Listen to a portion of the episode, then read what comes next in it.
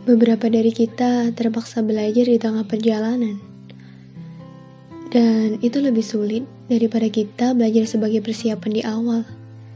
Dalam hidup ini ada banyak hal yang sebenarnya bisa dipersiapkan dengan lebih baik dan lebih matang. Sehingga di perjalanan nanti kita bisa lebih siap dengan segala tantangannya. Apakah kita baru mau belajar berenang ketika sudah di tengah lautan? Apakah kita baru belajar memasak ketika di tengah pernikahan? Apakah kita baru belajar tentang pengasuhan anak ketika memiliki anak?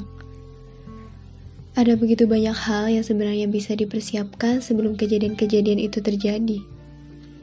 Kira-kira ada berapa banyak hal yang sudah kita sesali karena tidak siapnya kita? Padahal ketika direnungi, dulu kita memiliki waktu untuk mempersiapkannya hanya saja kita tidak mau, enggan untuk bersiap.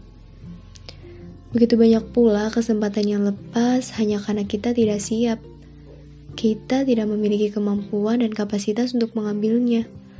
Padahal, sekali lagi, saat kita renungi, dulu kita memiliki waktu untuk mempersiapkan diri. Begitu juga dengan pilihan-pilihan penting yang akan kita ambil, misalnya saja pernikahan, peran, dan karin, dan sebagainya. Apakah kita masih berpikir untuk tidak bersiap dari sekarang?